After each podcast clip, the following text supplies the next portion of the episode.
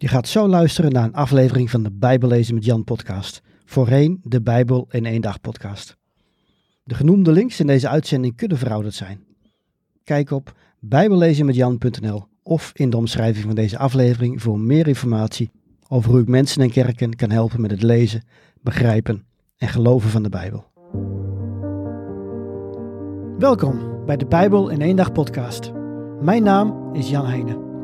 Ik ben auteur van het boek De Bijbel in één dag. Ik geloof dat de Bijbel Gods woord is en dat we allemaal deel uitmaken van zijn verhaal. De Bijbel is ook een vreemd boek soms. Ik help christenen de Bijbel te lezen, te begrijpen en te geloven. Op de Bijbel kun je het e-book De Bijbel in één dag gratis downloaden. Ook kun je de paperback bestellen of je inschrijven voor een van mijn cursussen of seminars. Oké, laten we met de aflevering beginnen.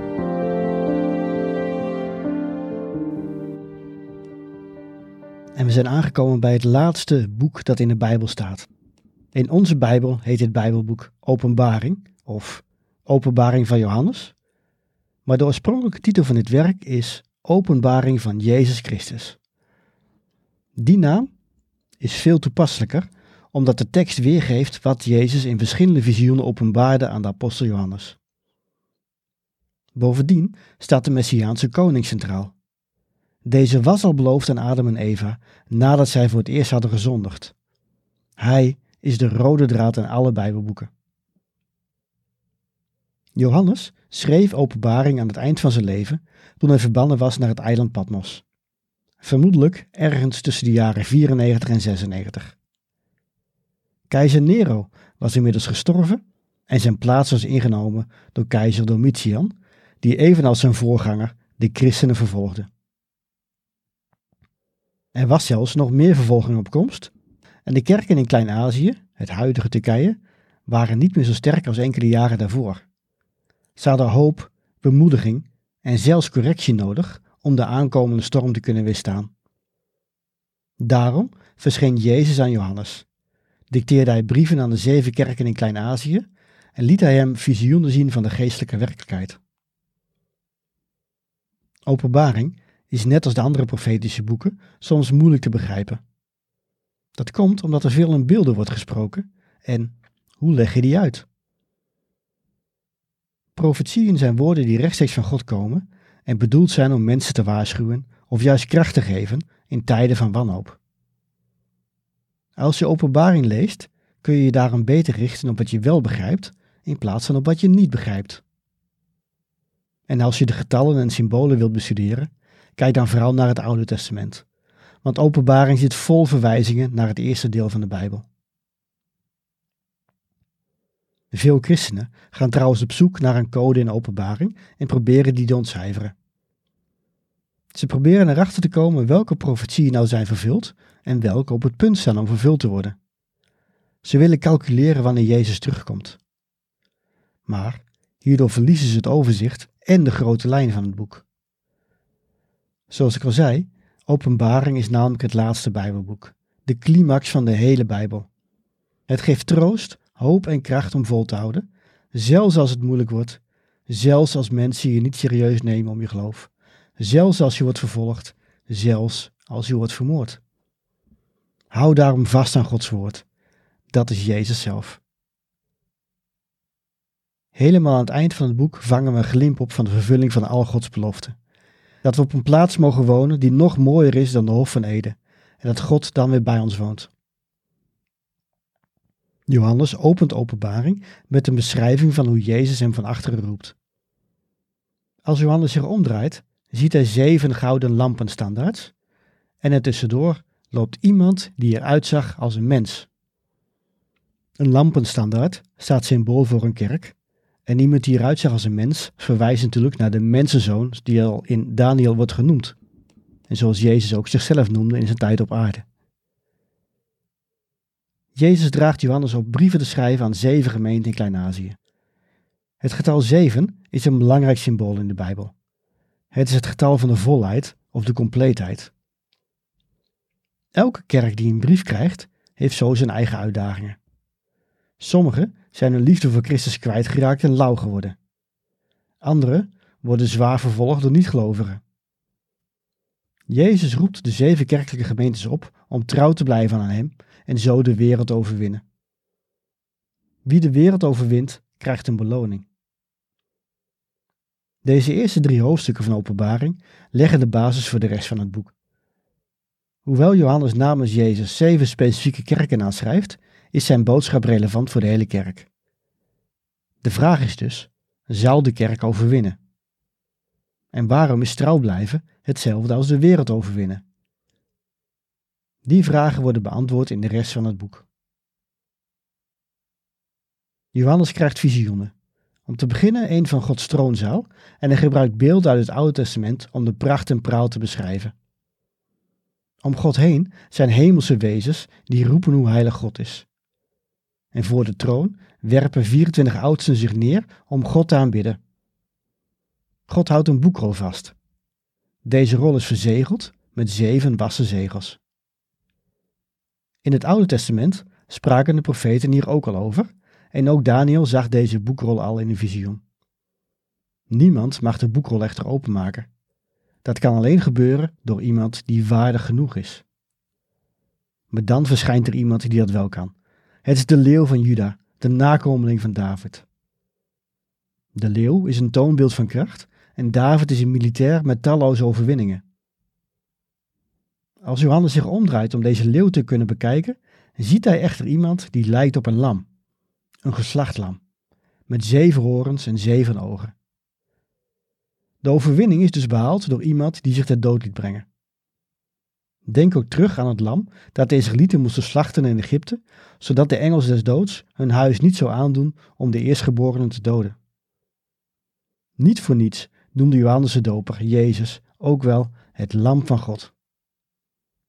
In de hemel wordt God aanbeden, maar ook dit lam. En het lam verbreekt uiteindelijk één vereende zegels. In het volgende deel van openbaring laat Johannes zien hoe drie cycli van zeven elkaar opvolgen. Eerst zeven zegels. En uit het zevende zegel komen zeven bazuinen. En uit de zevende bazuin komen zeven schalen. Iedere cyclus laat zien hoe Gods koninkrijk en zijn rechtvaardigheid zich in de hemel en op aarde zullen vestigen. Het zou kunnen dat deze 21 gebeurtenissen elkaar in de toekomst zullen opvolgen, maar het is waarschijnlijker dat iedere cyclus van zeven hetzelfde beschrijft als de twee andere cycli. De uitkomst is namelijk telkens hetzelfde. Ze leiden tot het laatste oordeel. Bij het openen van de eerste vier zegels verschijnt er telkens een ruiter op een paard. Dit beeld komt uit Zacharias 1. De vier ruiters vertegenwoordigen oorlog, verovering, honger en dood. Helaas komen er ook vandaag de dag nog iedere dag mensen om door oorlogen, veroveringen, honger en andere misstanden. Het vijfde zegel laat de martelaren zien. De mensen die omgebracht zijn omdat ze Jezus volgen. Zij roepen het uit tot God. Wanneer gaat hij hun bloed wreken? God antwoordt dat ze nog even geduld moeten hebben. Het is nog niet de tijd, maar hij legt niet uit waarom niet. Maar dan wordt het zesde zegel geopend. Dit is de dag van de Heer, waarop de profeet Joel profeteerde. Er vinden rampen plaats op aarde en de mensen worden bang. Ze roepen uit: Wie kan dit doorstaan? Het antwoord volgt in Openbaring 7. We zien een engel die 144.000 trouwe volgelingen van God markeert. Dit zegel op het voorhoofd van deze mensen beschermt hen tegen de rampspoed. De 144.000 zijn als het ware een telling van de militaire kracht. Dat kwamen we ook al tegen in nummer 1. De 144.000 zijn 12.000 soldaten van elk van de twaalf stammen van Israël. Dit is wat Johannes wordt verteld. Maar wat hij ziet is anders dan wat hij zojuist hoorde. Voor hem staat namelijk een ontelbaar grote menigte, bestaande uit mensen van allerlei volken en rassen. Precies zoals God had beloofd aan Abraham. Dit is het leger van God. Ze zijn in wit gekleed, omdat Jezus bloed hen heeft schoongewassen. Zij zijn de overwinnaars. Niet doordat zij hun vijanden onder de voet hebben gelopen, maar omdat ze trouw zijn gebleven aan Jezus en het evangelie hebben verkondigd. Dan wordt het zevende zegel verbroken. Er valt een immense stilte in de hemel die een half uur duurt. Zeven engelen krijgen ieder een bazuin en vuur van het altaar wordt over de aarde uitgeworpen met donderslagen, bliksemschichten en een aardbeving wordt het einde van de dag van de Heer ingeluid. Vervolgens vertelt Johannes ons wat het blazen op de bazuinen teweeg brengt. Het lijkt erop dat dit geen nieuwe gebeurtenissen zijn, maar meer een andere manier om hetzelfde te zeggen. En nu gebruikt Johannes beelden uit het Bijbelboek Exodus. De eerste vijf bazuinen veroorzaken rampen vergelijkbaar met de plagen die Egypte teisterden. Als de zesde bazuin schalt, komen de vier ruiters tevoorschijn die we eerder al zagen bij het openen van de eerste vier zegels. Ondanks alle rampspoed weigeren de mensen te breken met hun zondige levensstijl. Precies zoals de farao en de Egyptenaren weigerden te luisteren toen zij getroffen werden door de plagen. Voordat de zevende bazuin klinkt, krijgt Johannes de door Jezus geopende boekrol. Hij moet deze opeten, maar mag de tekst niet voor zichzelf houden. Hij krijgt de opdracht om door te geven wat er in de boekrol staat. De inhoud wordt aan Johannes doorgegeven in twee symbolische visioenen. In de eerste moet Johannes Gods tempel en altaar opmeten en ook het aantal martelaren bij het altaar tellen. Alles wordt gemeten, behalve de voorhof. De tempel wordt namelijk belegerd door de vijandige natieën. Het zou kunnen dat in de toekomst buitenlandse legers Jeruzalem zullen aanvallen. Maar Jezus en apostelen, onder wie Johannes, gebruikten de nieuwe tempel ook als een symbool van Gods volk. Alle Joodse en niet-Joodse mensen die hun vertrouwen op Jezus hebben gesteld. In dat geval staat dit beeld de symbool voor de vervolging van christenen. Dat zien we ook terug in het tweede visioen, als twee getuigen op het toneel verschijnen. Zolang zij profiteren, kan niemand hen iets aandoen.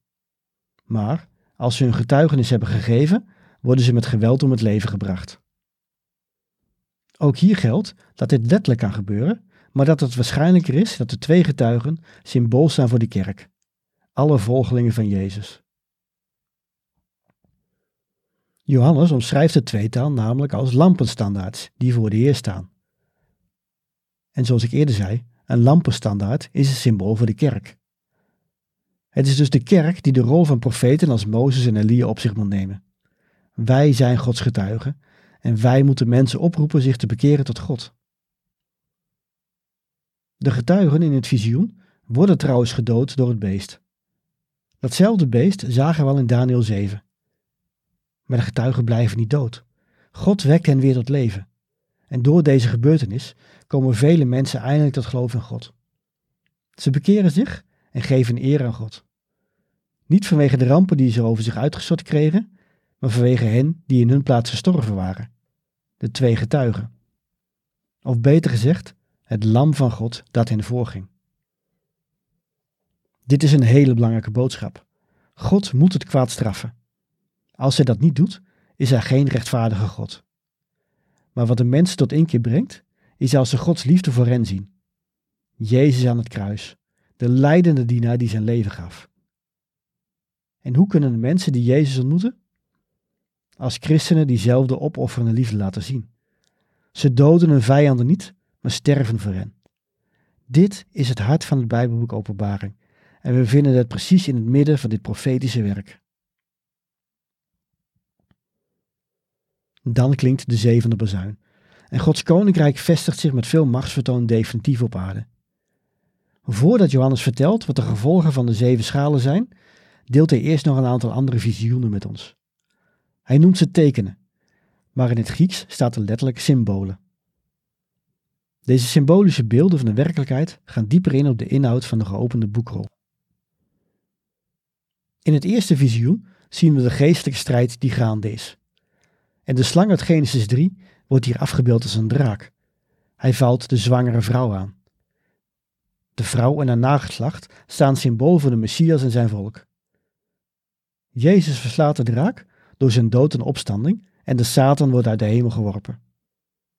Daar verspreidt hij haat onder de volken, zodat christenen worden vervolgd. De trouwe kinderen van God houden echter stand. Dit is een belangrijke les voor christenen van toen en nu. Paulus benoemde dit ook al in Romeinen 8. Onze strijd is niet tegen mensen, maar tegen hemelse machten.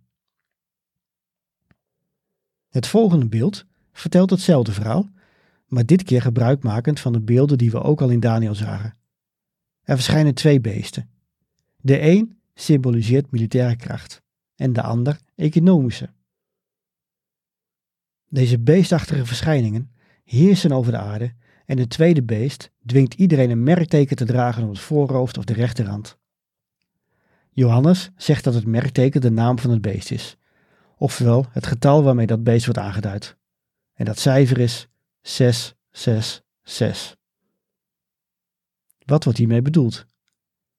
Opnieuw kan het Oude Testament ons helpen. Om te beginnen is het merkteken de anti-schema. De schema is de geloofsbelijdenis die we in Deuteronomium vinden. Hoor Israël, de Heer is onze God, de Heer is de enige. Heb daarom de Heer uw God lief met hart en ziel en de inzet van al uw krachten. Schrijf ze op de deurposten van uw huis en op de poorten van de stad. Je vindt deze teksten in Deuteronomium 6. De mensen moeten dus een keuze maken. Volgen ze de wereld of volgen ze God? Waar ligt hun trouw? En dan is er het getal 666. Wij kunnen daar niet zoveel mee, maar Johannes sprak zowel Oud-Grieks als Hebreeuws. En in beide talen zijn letters ook nummers. Als je de nummers van het Griekse woord Neron keizer, Nero keizer, optelt, kom je op 666 uit. Hetzelfde geldt voor het Hebreeuwse woord voor beest. Keizer Nero is echter niet de enige die wordt bedoeld met het beest. Daniel liet al zien dat iedere natie in een beest verandert als zij andere landen militair en economisch willen overheersen. Deze heersers creëren hun eigen valse goden en eisen volledige trouw. Ze houden mensen weg bij God. Babylon, Perzië, Griekenland en Rome zijn allemaal het beest geweest. Wie is het beest vandaag de dag? Het beantwoorden van die vraag laat ik aan jou zelf over. Maar wat veel belangrijker is, is dat we zien wie er tegenover deze beestachtige heersers en de draak staat. Dit is een koning met een heel ander koninkrijk, het geslachte lam van God. En zijn leger bestaat uit mensen die hun leven hebben gegeven. Ze bevinden zich in het nieuwe Jeruzalem en zingen een overwinningslied. Een engel stijgt op om het evangelie te verkondigen. En deze mensen roepen iedereen op om zich bij hen aan te sluiten. De dagen van Babylon zijn geteld. In het volgende visioen krijgen we het laatste oordeel te zien in de vorm van twee oogsten. De goede oogst is graan, mensen die trouw zijn gebleven aan Jezus. De slechte oogst zijn wijndruiven, mensen die vol zitten met het kwaad. Ze worden geplet in de wijnpers. Opnieuw dus de keuze voor de lezer. Volg je de wereld of volg je Jezus? Nog één keer vertelt Johannes over een cyclus van zeven oordelen, ditmaal via zeven schalen. Ook deze rampen lijken op de plagen uit Exodus, en zoals we bij de twee vorige cycli hebben gezien, komen veel mensen niet tot inkeer. Ze blijven zich verzetten tegen God en lasteren hem. Als een engel de zesde schaal leeggiet, vindt er een grote veldslag plaats tussen Gods volgelingen enerzijds en de draak, het beest en de landen die hen volgen anderzijds. Het gevecht vindt plaats op een vlakte in het noorden van Israël, die Harmageddon heet. De staat Israël heeft hier in het verleden regelmatig slag moeten leveren met vijanden. Het is niet met zekerheid te zeggen of dat betekent dat hier letterlijk strijd wordt geleverd, of dat dit beeld een symbool is van Gods oordeel over zijn vijanden. Beide zouden kunnen. Maar de beschrijving van deze gebeurtenis doet sterk denken aan een visioen van Ezekiel waarbij Gog werd verslagen. En Gog staat symbool voor de landen die zich tegen God verzetten. Zij moeten de straf ondergaan. Dat zien we gebeuren als een engel de zevende schaal leeggiet. Voor de vierde keer in het Bijbelboek krijgen we een beeld van de dag van de Heer voorgeschoteld. Babylon, dat symbool staat voor alle kwade heersers in de wereldgeschiedenis, valt. God rekent definitief af met het kwaad. De draak en het beest worden verslagen. Ze verdwijnen voorgoed. En het hoogtepunt van de hele Bijbel is als we zien hoe Jezus koninkrijk zich eindelijk op aarde vestigt. We hebben al gezien dat deze laatste dag werd omschreven als een dag vol vuur, een aardbeving en een oogst. En nu wordt de dag van de Heer afgebeeld als een laatste en allesbeslissende veldslag. Johannes neemt ons weer mee naar de zesde schaal, waar de mensen die zich verzetten tegen God zich voor hem hebben verzameld. Plotseling verschijnt Jezus op het toneel. Hij is Gods woord, zittend op een wit paard. Zijn kleding zit echter onder het bloed, al voor de veldslag is begonnen. Het is natuurlijk zijn eigen bloed, dat vloeide aan het kruis. Ook houdt Jezus geen zwaard in zijn hand. Zijn tong is zijn zwaard. De strijd is namelijk al geleverd. Er zal geen nieuw bloed vloeien op Hamageddon. Jezus is niet gekomen om mensen te doden, maar om recht te spreken. En iedereen die niet voor God wilde buigen, wordt geoordeeld. Johannes vertelt ons ook over de martelaren, de mensen die zijn omgebracht omdat ze bij Jezus hoorden. Ze komen weer tot leven en heersen met Jezus voor duizend jaar. Daarna wordt de draak weer even losgelaten en hij zorgt ervoor dat mensen opnieuw in opstand komen tegen God. Uiteindelijk worden ze allemaal verslagen. Wie geen toegang wil tot Gods koninkrijk, wordt voor de eeuwigheid verbannen. Ook hier is weer de vraag of we deze gebeurtenissen letterlijk moeten nemen. Eerst een veldslag, dan een duizendjarig rijk, dan een nieuwe veldslag. Of gaat het om hetzelfde gevecht, maar dan verteld van twee kanten? Hoe dan ook, de conclusie is hetzelfde. Als Jezus terugkeert als koning, rekent hij vergoed af met het kwaad. De mensen die trouw zijn gebleven, mogen voor eeuwig bij hem zijn. Dan zijn we definitief verlost van de zonde. Johannes krijgt te zien hoe die wereld eruit zal zien. Een nieuwe hemel en een nieuwe aarde. Een nieuw Jeruzalem daalt neer op die nieuwe aarde. Als een bruid die zich mooi heeft gemaakt voor een man, zegt Johannes. God kondigt aan dat hij voortaan onder de mensen zal wonen. Deze nieuwe plek is nog mooier dan de Hof van Eden. En er wonen mensen van alle volken en alle rassen. Er is geen tempel meer, want God en Jezus wonen er zelf. De mensen krijgen de opdracht terug die God hen al in Genesis 1 gaf. Ze mogen heersen over de schepping. Ze zijn een verlengstuk van God geworden. Er is geen kwaad, geen zonde, geen verdriet, geen gevaar. Er staat geen boom van goed en kwaad, wel een boom van het leven. Twee bomen van het leven zelfs. Iedereen hier is vrijgekocht door God. En we leven in volkomen harmonie met elkaar en met God. En zo is openbaring een krachtige oproep aan allen die Jezus volgen om trouw te blijven aan Jezus. De wereld doet zijn best om je te laten afkeren van Hem, maar God houdt zich aan zijn belofte. Er wacht een beloning op je als je trouw bent. Laat je niet ontmoedigen door de zonde in je eigen leven, door het kwaad in de wereld en zelfs niet door vervolging. Jezus heeft voor jouw zonde betaald. Hij rekent af met het kwaad en hij eert de mensen die hun leven voor hem geven, zoals hij zijn leven voor ons gaf. En daarmee zijn we aan het einde gekomen van het eerste seizoen van mijn podcast. In het volgende seizoen wil ik graag meer uitleggen over hoe je de Bijbel kunt lezen. Het format zal iets veranderen. Soms zal ik solo-afleveringen maken, zoals nu, waarbij ik zelf dingen vertel. En soms zal ik ook interviews doen met gasten. Ik hoop dat je deze podcast zult blijven luisteren. Heel veel zegen gewenst.